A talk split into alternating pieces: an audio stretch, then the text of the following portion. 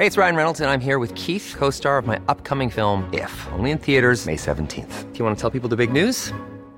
All right, I'll do it. Sign up now and you'll get unlimited for $15 a month in six months of Paramount Plus Essential Plan on us. Mintmobile.com slash switch. Upfront payment of $45 equivalent to $15 per month. Unlimited over 40 gigabytes per month. Face lower speeds. Videos at 480p. Active Mint customers by 531.24 get six months of Paramount Plus Essential Plan. Auto renews after six months. Offer ends May 31st, 2024. Separate Paramount Plus registration required. Terms and conditions apply if rated PG. A lot can happen in three years. Like a chatbot may be your new best friend. But what won't change? Needing health insurance. United Healthcare Tri Term Medical Plans, underwritten by Golden Rule Insurance Company, offer flexible, budget friendly coverage that lasts nearly three years in some states. Learn more at uh1.com.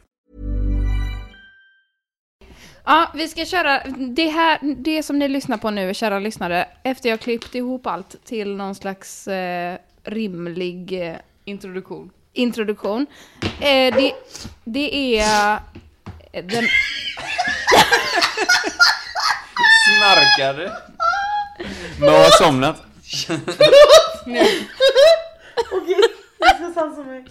Det är den Men du kan inte sansa det på två sekunder. Det är bättre du skrattar ut det. Ja, men jag gjorde det nu. Det kom ut. Den var tom. Den har Inte. legat latent ganska länge. Latan. Det är den månatliga mord eller mytfesten som ni Ja. lyssnar på. En gång i månaden har vi mord eller mytfest. Ja, Och det är idag. så är det. Det låter som Michael Jackson. Så sitter du just nu. Eh, men vi, det jag tänkte säga var att vi ska köra Jag har aldrig. Ja. I vårat försnack. Det kommer gå till så här mina vänner. Jag kommer läsa upp ett påstående. Har man gjort det här som jag säger så behöver man ta en klunk. Men i och med att det här är poddversion måste man ju säga att man tar en klunk. Man får säga japp innan man tar en Ja, klunk eller kanske. typ, jag tar en klunk nu. Jag har aldrig spelat stripppoker. Jag tar en klunk. Jag dricker. Jag dricker. Mm. Alla dricker. Det har man ju gjort typ när man gick på högstadiet. på läger och oh sånt. Ja men gud, Man tog ju jämt. av sig en strumpa. Man, hade, man hittade ju också ett sätt att liksom lura spelet lite. Fast man satt ju alltid där i underkläder. Till slut, ja. Tyvärr. Jag vill minnas att jag blev så skamsen en gång att jag klättrade ut genom ett husvagnsfönster. Naken. Det var... Jag gjorde ju detta- eh, Inte särskilt... Det låter, det Trevligt. låter väldigt Jag vill veta-. Jag vill veta mer. Du skämdes för att du var naken. Så Ja, jag tyckte det var så jobbigt att sitta naken i ett sammanhang där jag satt naken.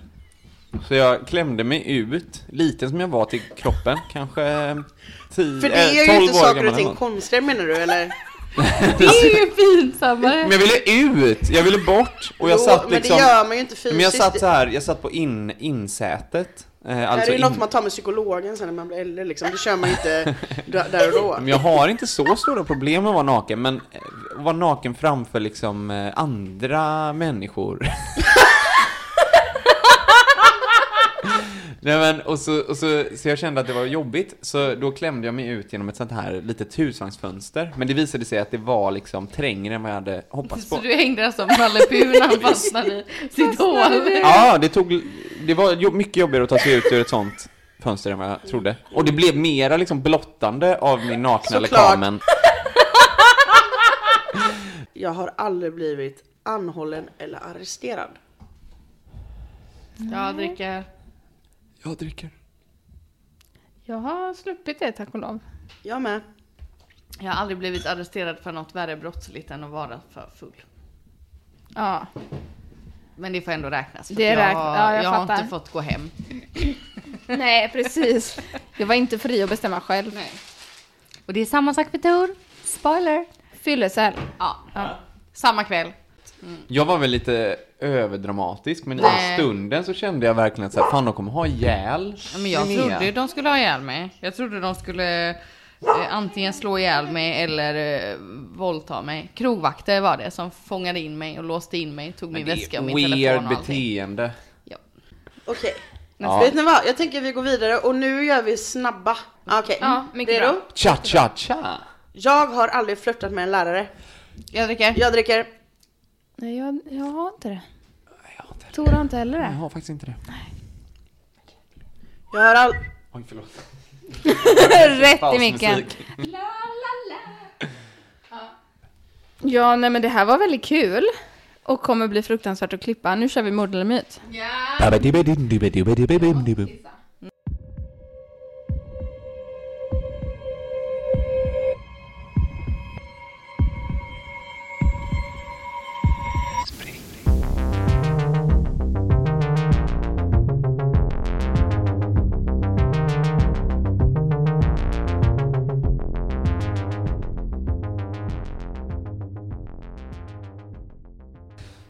Ni redo?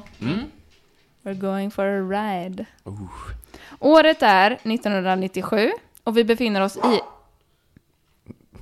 vi befinner oss i en förort till Tokyo i Japan. Tillbaka till Japan. Än en gång är vi i Japan. Där arbetar fyra kvinnor nattskiftet på en bentofabrik. Ni vet bento är liksom en, ja, en lunchlåda, så typ Dafgård eller någon sån. Ja, Färdigpackad lunch liksom. Jag, jag kör en liten genomgång av de här fyra kvinnorna. Vi har Karin, som är 29 år gammal. En ytlig och ganska så egocentrisk kvinna. Eh, som är besatt av att framstå mer och bättre än hon egentligen är. Hon är djupt skuldsatt. Sen har vi Martina, som är i 40-årsåldern. Hon är gift och har en 17 år gammal son och ett mystiskt förflutet. Hon och hennes man sover i varsitt rum och sonen pratar inte med varken sin mamma eller pappa. Och jag lyckas inte ta reda på varför. Varför de har en sån liksom, konstig relation med sin son och med varann. Det har hänt något liksom, som jag inte kan ta reda på. Johanna, en 34-årig mamma till två söner som är gift med en alkis som slår henne. Och Sonja, som är den äldsta av de fyra kvinnorna, hon är änka som har blivit tvungen att ta hand om sin svärmor efter att svärmor då har fått en stroke. Och hon har två vuxna döttrar som hon inte har så mycket kontakt med. Men hon har ett barnbarn som hon ganska ofta liksom passar. Alltså det här barnbarnet blir liksom avsläppt ibland hos henne. Men hon pratar typ inte med sina barn. De här fyra kvinnorna då, de jobbar alltså ihop på den här fabriken. De börjar jobba typ runt midnatt och jobbar fram till morgonen. På fabriken är det ganska... Eller på fabriken är det framförallt utlandsfödda och ensamstående som jobbar där. Många som jobbar där är liksom längst ner i samhället. Alltså så här, det är det enda jobbet de kan få typ. De jobbar fem och en halv timme på natten och tjänar lika mycket på det som de hade gjort på åtta timmar under dagen. Så deras månadslön är typ 10 000 svenska kronor. Alltså inte så mycket pengar. Mm. När Sonja, Martina och Karin kommer till jobbet en natt så träffar de Johanna. Hon är inte riktigt sig själv, det är liksom uppenbart för de andra kvinnorna att någonting har hänt. De försöker typ fråga henne om allt är okej, men hon svarar liksom inte riktigt, hon är väldigt så undfriande. De här fyra kvinnorna har jobbat tillsammans länge på det här nattskiftet. De brukar liksom... De brukar liksom hjälpas åt. De är inte vänner, men de tar liksom hand, eller så här, de har, har koll på varandra, tar hand om varandra. Och de brukar stå vid samma lina i fabriken. Två barn. Kenneth är den här kvällen för ovanlighetens skull inte berusad. Men han är på dåligt humör. Johanna frågar honom varför han är hemma så tidigt, varpå han svarar “Jag har inga pengar”. Och han berättar surmulet då att han har spelat bort alla deras sparpengar. Det är ungefär 5 miljoner yen. Alltså idag är det typ 400 000 svenska kronor. Men jag vet inte vad det var då, alltså 97. Det var ju säkert mycket mer, eller? Ja. Johanna blir rasande när han berättar det här ungefär på samma sätt som man säger att mjölken är slut. Som att det inte är någon grej liksom. Och så säger hon till honom att det var inte dina pengar. Och han svarar nej, det var inte dina pengar heller. Och så bråkar de en stund fram och tillbaka. Och Johanna säger till slut att den här slampan som du dejtar är orsaken till allt det här. Det skulle hon aldrig ha sagt. För han blir rasande och misshandlar henne då. Johanna vet nämligen att Kenneth har förälskat sig i en kvinna som jobbar på, som hostess. Det kommer ni ihåg från förra avsnittet. Ja. Hostess. Ja, hon jobbar på kasinot dit han brukar gå. Eh, men Johanna vet inte att den här kvinnan är inte alls intresserad av Kenneth. Och hon vet inte heller att han stakar henne. Efter att Johanna har berättat det här för de andra kvinnorna så visar hon sina blåmärken. Och hon får liksom sympati från dem. Och de säger att det är fel och att han borde betala för det som han har gjort. Men det är inte som att de liksom ojar sig, utan de är mer så, ja, ah, det här är inte bra. Stackars dig, vad dumt det blev. Nu får du se till att fixa det, typ. Natten därpå, när Johanna gör sig i ordning för att åka till sitt jobb på fabriken, så hittar hon Kenneth däckad sittandes på golvet. Han har en fläskläpp. Kenneth känner då på sig att hon är sur på honom, så han muttrar typ, vad är det? Kan du inte vara snäll för en gångs skull? Då är det någonting som liksom går sönder i Johannas hjärna. Så hon blir rasande och flippar ur. Det är typ som att orden från hennes kollegor kvällen innan liksom ekar i hennes huvud. Så hon tar av sig sitt bälte och virar det om Kennets hals och drar åt. Och så drar hon bara hårdare och hårdare och hårdare och vill att han ska få betala för det som han har gjort. Och sen när hon har lugnat sig lite så släpper hon taget och inser att hon inte vet hur länge hon har suttit där. Och så inser hon att han kanske inte lever längre. Och inser att det var inte meningen att hon skulle döda honom. Hon skulle bara plåga honom lite så som han har plågat henne. Och så känner hon efter hans puls, men hon hittar den inte. Kenneth är död.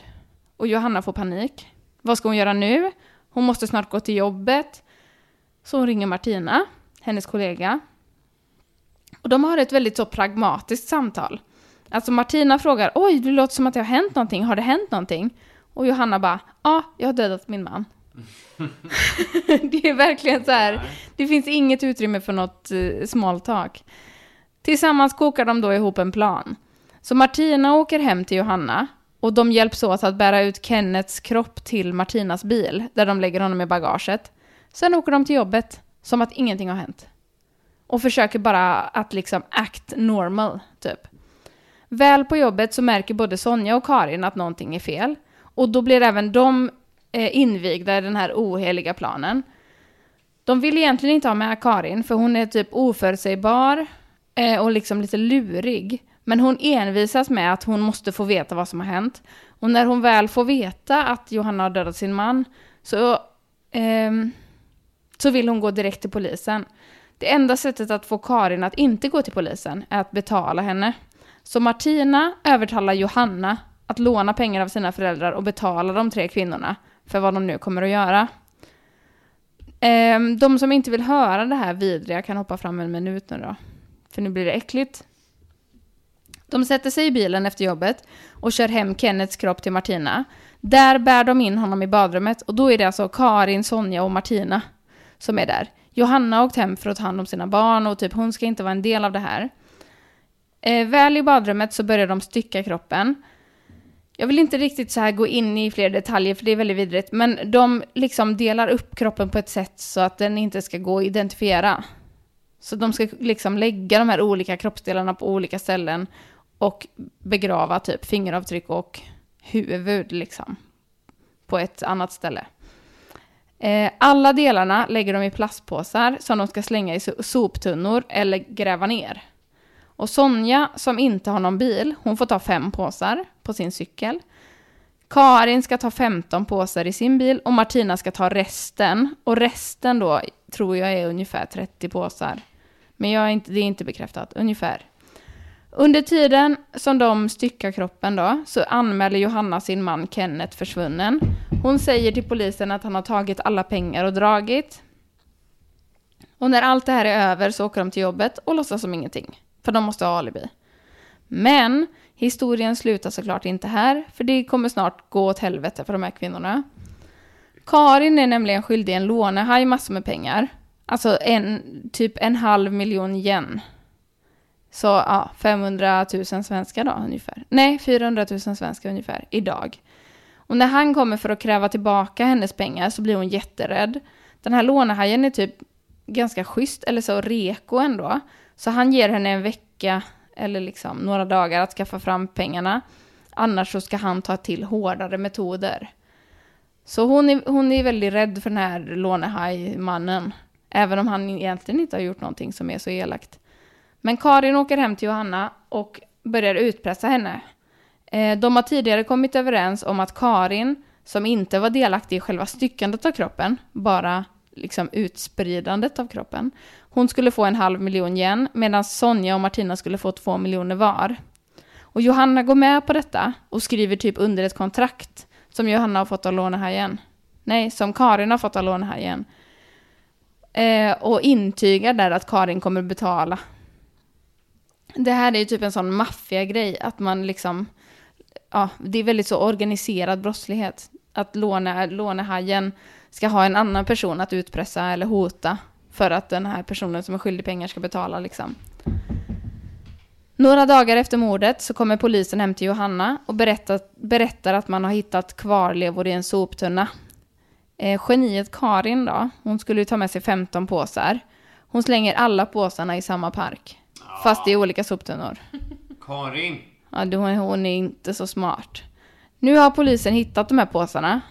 Eh, och Johanna får panik och ringer Martina som påminner henne om att det inte är helt dumt att polisen vet att Kenneth är död. För han har ju en livförsäkring på 5 miljoner igen. Och polisen lyckas till slut identifiera kroppen. Jag vet inte hur det går till. Alltså, jag har verkligen försökt att forska i detta. För att, nu kan man hoppa fram 30 sekunder igen då. Men de har liksom slicat av hans fingeravtryck.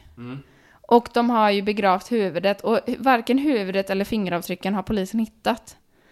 Men de lyckas ändå, jag vet inte, DNA, jag, jag, jag fattar inte. På något sätt lyckas de förstå, eller så har de bara en misstanke om att det här kanske är Kenneth, jag vet inte. Men de är i alla fall ganska, polisen är ganska säkra på att det är Kenneth de har hittat. Eh, och när de förhör Johanna igen så berättar hon att Kenneth brukade gå till ett kasino på kvällarna. Och som tur är för de här kvinnorna så ägs det här kasinot av en riktig jävel alltså. Han blir direkt misstänkt för mordet på Kenneth, för han har nämligen begått ett mord förut, 17 år tidigare, då han högg ihjäl en kvinna som han var kär i.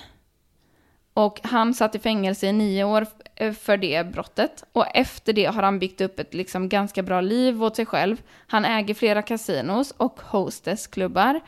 Men när han blir misstänkt för det här mordet och häktas så går hans företag i konkurs. För dels så vet liksom folk om att han är misstänkt för brott och det börjar komma fram i media att han har begått det här brottet tidigare för 17 år sedan. Så ingen vill gå till hans klubbar och sen dessutom är inte han där för han är ju häktad och det är ingen annan som kan sköta liksom affärerna. Så han förlorar allt under de månaderna han är häktad. Sen efter ett litet tag, eh, typ nio månader, så släpps han på grund av brist på bevis. Och sen försvinner han. Nu får ni gissa. Oj, det var mycket att ta in alltså. Ja, jag vet, det var så många människor. Förlåt. Jag tyckte inte det gjorde någonting. Jag tyckte det var spännande ändå. För det var lite annorlunda. Sen är det ju aldrig spännande med ett mord såklart. Men det har varit väldigt mycket sån här... Eh, men liksom eh, väldigt... Eh, ah, fan. Ja, alltså det var lite svårt att hänga med när det var så mycket människor nu när man har druckit lite vin. Ja, jag fattar det. Däremot så kände jag, det här kommer låta så illa. Lite uppfriskande med ett mord som kvinnor begår. Ja, det var exakt det jag fiskade efter. Det var det jag fiskade efter. Och jag vill inte liksom, alltså ett mord är ett mord och det är likställt. Ja, det är jättehemskt och det är fruktansvärt och det ska inte ske. Men det har varit så jävla många fall vi har haft, både de som är mord och de som är myter. Det är klassikern, jävla snubbe, gubbe, ja, alla möjliga olika situationer. Om det är en partner, om det är en random, om Japp. det är en eh, som han som gömde sig i en vind, vad som helst. Alltså det är så mycket obehagliga män så nu bara åh, någon, en kvinna som Obehagliga tappade kvinnor. Hon bara wow, en obehaglig kvinna. Vad trevligt. Alltså, man ska ju, man ska ju det. inte Ja. liksom väga dem sådär. Nej, men, men- om vi nu ska ge oss in i världen som är mord Ja. Mm. och otäck, otäckheter, det är inte ett ord, men eh, om man nu ska säga, då måste man ju kunna ha en, eh, en eh, värdering eller en Mm. eh, åsikt. Alltså att, eh, Ja, vi ändå sitter här och eh, pratar om ord och ska ha det som grej Ja. så mm, får man ju ändå lite och jag tror vi pratade det i något annat neutrala avsnitt. tankar om det. Ja, precis. Jag tror dock att det här är en myt. Jag tror eh, också att det här är myt. Då säger jag Eh. mord. Det var så mycket detaljer. Ja, men Ja, men det kan det väl vara på, i en myt också. Nej, Om det kommer från en bok eller film eller... kan det. Sant. Jag, Ja, får jag också vet en, jag får också en mytkänsla och jag kan inte riktigt sätta fingret på varför. Jag, Titta inte på mig! jag tänker Nej, ofta nej, att nej. det är så här i, ehm, ehm, i myten, om vi, å, om vi ska återigen prata om så här eh, kvinnor som mördar versus män som mördar. Mm. I eh, myternas värld så krävs det mycket mindre för att en man ska mörda. Alltså typ mannen är galen. Eh, Mannen är arg. mannen bara är pissed off på kvinnor. Mannen har inte något. fått äta på tillräckligt många timmar. Nej men i, det krävs liksom mindre i myternas värld, kanske även i eh, verkligheten. Men, Jag eh, tänker bara i fablernas värld när du säger myternas värld. ja, i fabler. Nej, det här är ju ingen fabel, men, eh, Det handlar inte om djur. eh, men, eh, ehm, men det krävs mycket Men mer i liksom eh, litteratur och film och sådär för att kvinnor ska begå mord. Och eh, det är ändå en ganska liten Alltså, eh, jag kan relatera, eller jag kan inte relatera, men jag kan, jag kan förstå att man blir så jävla arg när man spelar bort liksom 400 000 kronor.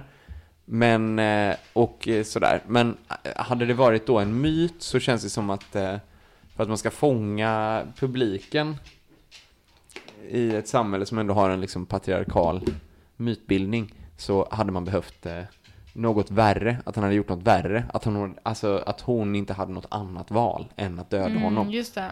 Mm. Eh, för att bara att en kvinna får ett litet rage-anfall sådär, som män kan få på film, eller myter, det, det är ändå väldigt sällsynt. Nej, fast jag Det är min att upplevelse av Nej, det. jag tycker att det alltid är så att om det är en kvinna som mördar, alltså framförallt när det är mytiskt, om det är böcker eller om det är filmer eller någonting, så måste det verkligen vara en an... Alltså så här, då måste det vara en sån tydlig anledning. Ja men det är det jag säger. Nej, men det här är nej, inte så tydlig nej, anledning. men jo, för det här är en tydlig anledning, tycker jag. Det här är ändå... Man är och full och har spelat mannen bort har lite förstört pengar. livet och hon är och, och kämpar på sitt pissjobb varje dag. Och det enda hon har i sin lilla grupp. Jag tycker det låter väldigt mycket så... Eh, ja men... Som en berättelse. Dock en Jag tycker snarare att det är att om det sker på riktigt så kan det vara vilken jävla anledning som helst som en kvinna dödar. Och sen så har vi också hela den grejen att när kvinnor dödar statis- statistiskt sett på riktigt så gör de sällan sådana här rage-mord. Utan då är det förgiftning eller eh, någonting som är väldigt välplanerat som ofta tar längre tid än att ta sitt skärp och strypa någon. Ja, det är ju inte så värst Och macho, också, liksom. också hela den här grejen att det är liksom lånehajen och det är att dra in alla sina kompisar. Nej, det är för mycket myt kring det hela tycker jag. Det låter inte trovärdigt. Så En- jag, jag står fast vid mitt myt. Jag tyckte att det här my, en, en grej som, som stärker mytgrejen, det är ju det här mysiga kompisgänget hon har. Ja. Att de är så himla så bara ställer upp och fixar. Den här Karin verkar vara lite klantig. Ja, men det är men hon så- ställer ju ändå upp liksom, hon är ändå Det, där. det är som varje gång ett mord sker i Desperate Housewives liksom. Men så och alla bara, okej vi är där, vi hjälper till. Vi, vi, vad säger vi till polisen? För jag tänker att Alltså, i, det sker vår, liksom i vårat gäng, om en av oss hade ringt och bara du jag har dödat eh, eh, någon Jag vet, nu. jag vet inte om jag hade Vi varit kan- li- vi lika kan vi- till, det- till att Jag tänker att vi kanske inte ska prata om hur vi gör. Ifall att det händer. Ja, precis. Bäst att hålla ryggen fri. Okej då, vi är tysta nu. Nej men jag, jag, säger, jag, jag säger myt, Moa säger myt, du säger mord. Fast jag är ändå öppen för att Du det Nej, du får välja ett av det. Alltså du, förlåt, Du men så du, du kommer ofta undan med det där. Då kan vi alla säga, jag säger mitt, men jag är öppen för mord. Alltså nu får du se, nu får du raka Säg puckar Tor. något. Jag säger mord. Mm, då får vi veta om du har fel eller rätt. Tor är så eh, målmedveten i sitt sätt att skapa content. Ja. Ja. Eh, nej, men det är myt. Ja. Ja. Ja, jag visste väl det. Nej, Vad det jag sa. det är inte. Det här är en bok som heter Out på engelska, Fri på svenska. Den är skriven av Natsuo Kirino. Ja, en eh, japansk författare. Så, ja, ska jag bara fortsätta med historien eller? Kör. Ja. Ja. Den här lånehajen erbjuder Karin, då, klanten, att skriva av hennes lån om hon berättar hela sanningen. Klanten Karin. Ja. Han misstänker ju att Johanna är liksom eh, inblandad i sin makes död på något sätt. Och eftersom Johanna plötsligt skriver under att Karin ska betala sitt lån eh, så stärker det liksom hans misstankar. Sen, eh, så, ja, nu hoppar jag ju lite fram och tillbaka i historien. Men sen ganska snabbt efter att Johanna har skrivit under det här pappret, att Karin ska betala lånet, så kommer Karin och Martina till lånehajen och ber om att få ändra så att Martina ska stå som garant för att lånet kommer bli betalt. Men Karin, du tar alltid allting för givet. Ja, exakt. Men när Karin... Det måste ju faktiskt vara en av de bästa bitarna från svensk tv-historia. Ja, Ja, Eva alltså, Adam. det, det, det är på topp 10. Ja, Nej men, Okej, förlåt. ja, det, det gör inget. förlåt, jag, det, är- det är vinet som sjunger. Gud vad dina böcker är på väg ner. verkligen inte safe alltså. Helt utanför Mo har, en, Mo har ett litet stativ byggt av böcker som bara hänger Över över bordskanten. bordskanten. Det är nästan ett mirakel. Ja, att de inte har ramlat. Men jag har kontroll. Eller när Karin får möjligheten att avskriva sitt lån i utbyte mot att hon berättar sanningen så gör hon ju såklart det. Hon berättar ju allting för den här lånehajen. Sen, ja den här lånehajen han är fan inte dum alltså. Han går till Yakusan, alltså maffian i Japan, och frågar hur mycket han kan få betalt för att bli ansvarig för att göra sig av med kroppar. För det kan ju de här kvinnorna liksom. De har ju gjort detta en gång. Eh, så han startar liksom en liten business med Sonja och Martina. Där han tar emot, han är typ som en administratör i det här. Så han tar liksom emot kroppar. Och så, Organisatör nästan. är organisatör ja. Oh, käckt. Så han tar emot kroppar och så... Eh, Det, det, Poletten föll ner för sent för mig för det här skämtet. Det var faktiskt jätteroligt. det var ju kul. Det var starkt, det var ett starkt skämt. Eh, så han startar en business med Sonja och Martina där han tar emot eh, kropparna och de styckar kroppen och sen så tar han hand om delarna då. När det packas i små boxar och så skickas det till en annan stad typ. Där han tar hand om det och så hamnar det på en soptipp. De har ju liksom kommit på en jättesmart grej här, tycker han. Sen är det den här kasinoägaren som i boken heter Satake. Han som blev misstänkt för brottet, ni vet. Ja. Han som har mördat en kvinna för 17 år sedan.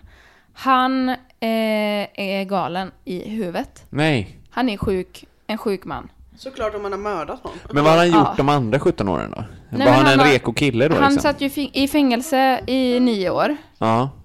Ja, ja. Han satt i fängelse i nio år och sen så, sen så byggde han sina casino-businesses. Ja. Så han har levt liksom ett bra liv ändå. Efter Mm. han har gjort, ja vad säger man? Vad säger man? När man har gjort sitt straff? Han har gjort botgöring. Nej men han, man- han har Han har suttit av Av- sitt straff. avtjänat. Avtjänat. Avtjänat. Eh, han i alla fall är jättesur på de här tre kvinnorna, eller fyra kvinnorna för att de, eh, han har förlorat allting. Mm. Alltså han hade det jättebra och har gått miste om allt. Eh, Satake då, kasinoägaren, han övervakar de här andra kvinnorna. För han vill ha hämnd. Mhm. Eh, han mördar Karin. Nej! Jo, jo, jo. Oh my god. Han mördar Karin. Eh, och sen så tar han kontakt med den här lånehajen och vill, och stämmer möte med honom för att leverera en kropp. Till Åh, Sonja och Martina och nej. lånehajens business. Så Sonja och Martina får Karins kropp levererad till sig och måste liksom göra sig av med den. Och Martina, som då är någon slags mastermind, hon är så, det här är en varning. Så Mm. hon fattar att det är liksom inte, ja, Det Karin är har helt reko längre. Exakt. Eh, sen tar Satake, den här mannen, kasinoägaren, tar sig in hemma hos Johanna, snor alla hennes pengar, den här livförsäkringen som hon har fått. Sonjas hus brinner ner, men jag vet liksom inte om hon har klarat sig eller om hon dör i branden eller om hon fejkar sin död. Jag fattar inte riktigt. Nu kommer spoilers, för nu tänker jag berätta slutet. Det. Ja. Ja. men jag vill läsa den här boken så nu tänker jag hålla för Ja, mig. håll för öronen. Jag tänker eh, berätta hur boken slutar. Men alltså Linnea, du, du kommer inte tycka om den. Jag vill inte då läsa den här så kör. Jag tror verkligen inte det. Nej, då gör jag inte det. Eh, boken slutar med att Satake kidnappar Martina, Masako heter hon i boken, eh, och tar henne till en övergiven fabrik där han misshandlar och våldtar henne.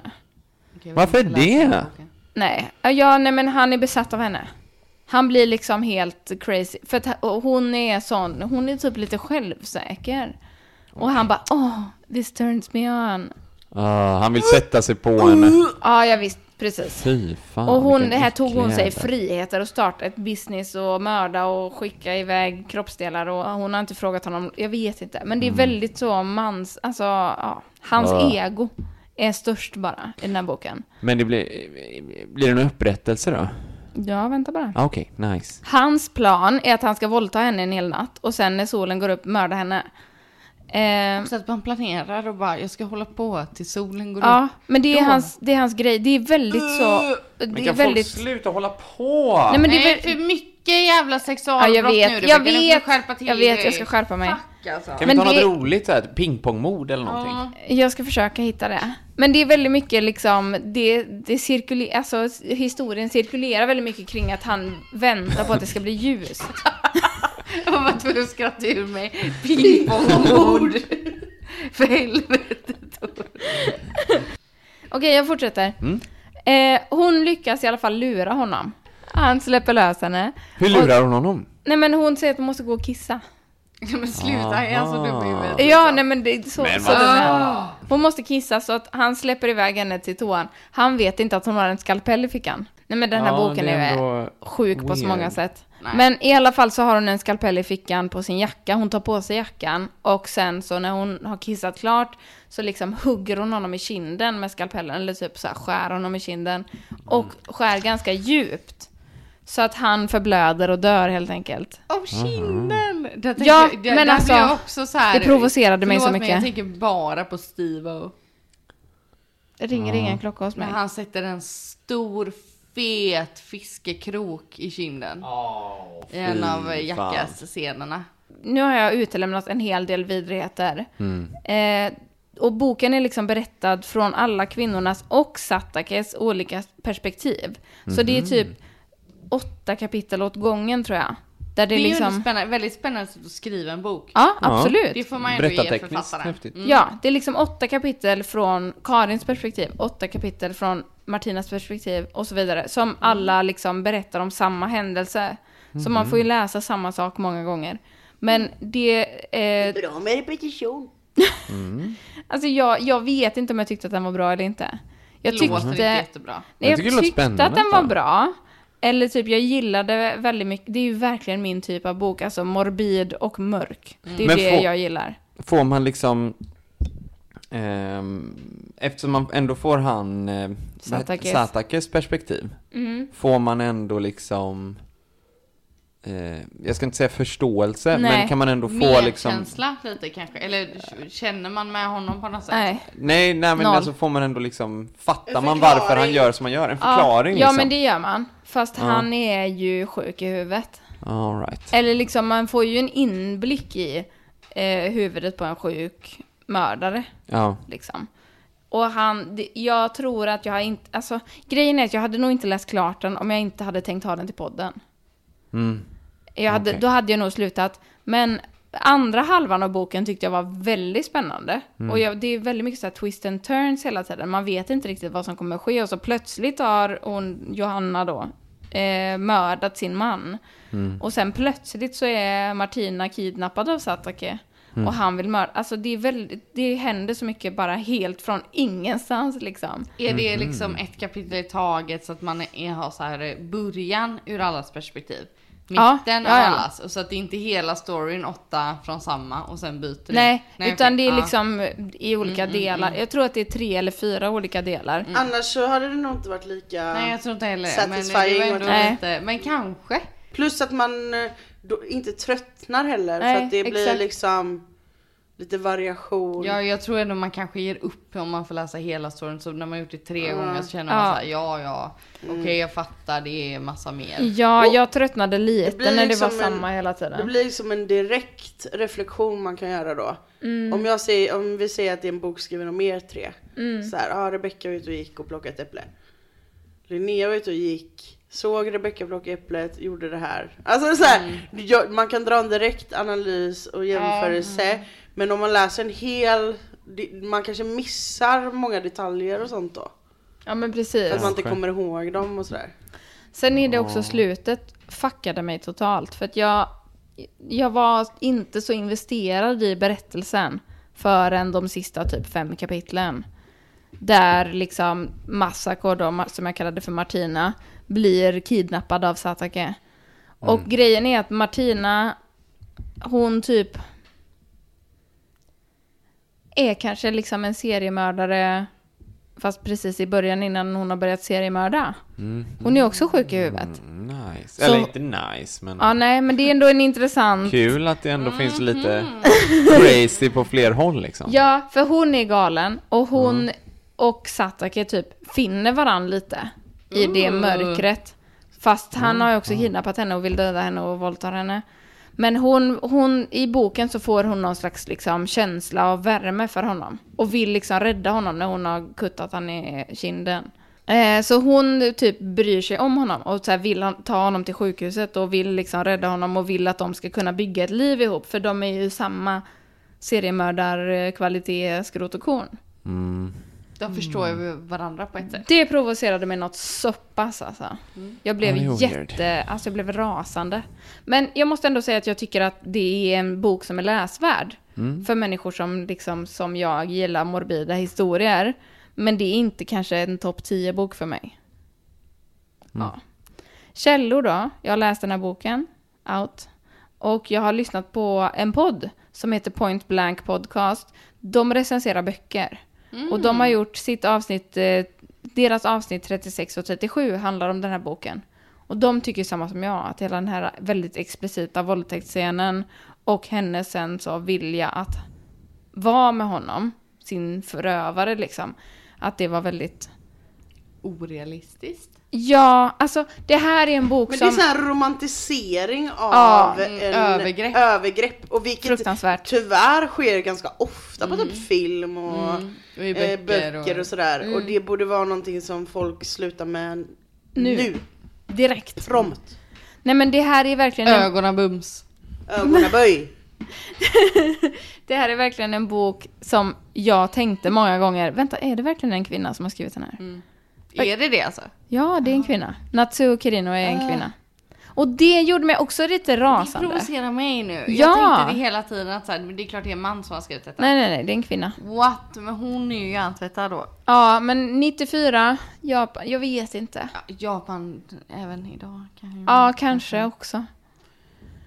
När, vi, när man lever i ett land som fortfarande behöver ha tunnelbanevagnar endast för kvinnor för Ja. att man blir antastad i rusningstrafik. Så kan jag ändå säga ja, Japan även idag. Ja. Sorgligt. Konservatism. Ja, nej men ni hade rätt då. Ja. Och så slår du ledset ihop datorn. En, jag skulle kolla gånger. tiden en timme och fem minuter. Sex minuter. Men eh, vilket är härligt. Hoppas jag alla är lite fulla avsnitt. Skönt att det var myt. Ja. Jävligt Ja. skönt. Det kändes skönt att skriva ner en myt alltså. ja. Det kändes skönt att ta en mytgrej nu när vi har party. Ja, det var Ja, därför jag, jag frågade hur många vi skulle skämt köra idag. nu kände jag. Jag är lite full så att eh, kan vi wrap it up? Alltså alltid när det, är, när det är mord så, blir jag, så får jag så mycket mer uppslag till skämt. I mitt Ja. huvud som jag inte säger för jag bara shit det var ju mord.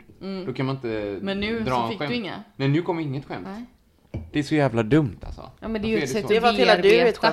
Det är ju så man Ja, bearbetar sorgen och Ja. liksom det jobbiga. Då kommer man En på tokiga försvarsmekanism. Ja. Ja, liksom, på något ja men så fort jag vet att få reda på att det, är, det här är mord, då bara såhär Men jag är boom, exakt kommer du på, kommer på så mycket Du roliga och- grejer Du och och jag så säkert bara, kommer på typ exakt samma typ av skämt i huvudet. Bara det Men det är ju så vi dealar med hemska saker, att vi skojar Ja. om det. Men det är ju som, eh, jag menar vi har ju pratat om eh, saker som har skett i IRL när man har varit kring sorgliga situationer och man Ja, ja, har visst. börjat garva. För att det är någonting lite roligt som händer. Och då kan man inte hålla sig. Sluta. Tack och förlåt. ha det gott. Bye! Puss och kram. Hej.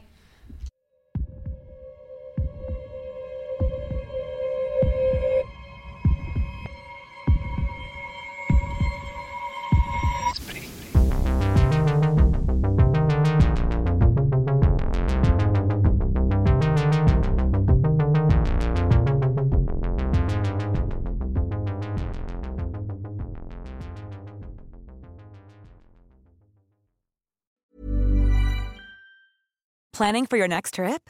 Elevate your travel style with Quince. Quince has all the jet setting essentials you'll want for your next getaway, like European linen, premium luggage options, buttery soft Italian leather bags, and so much more.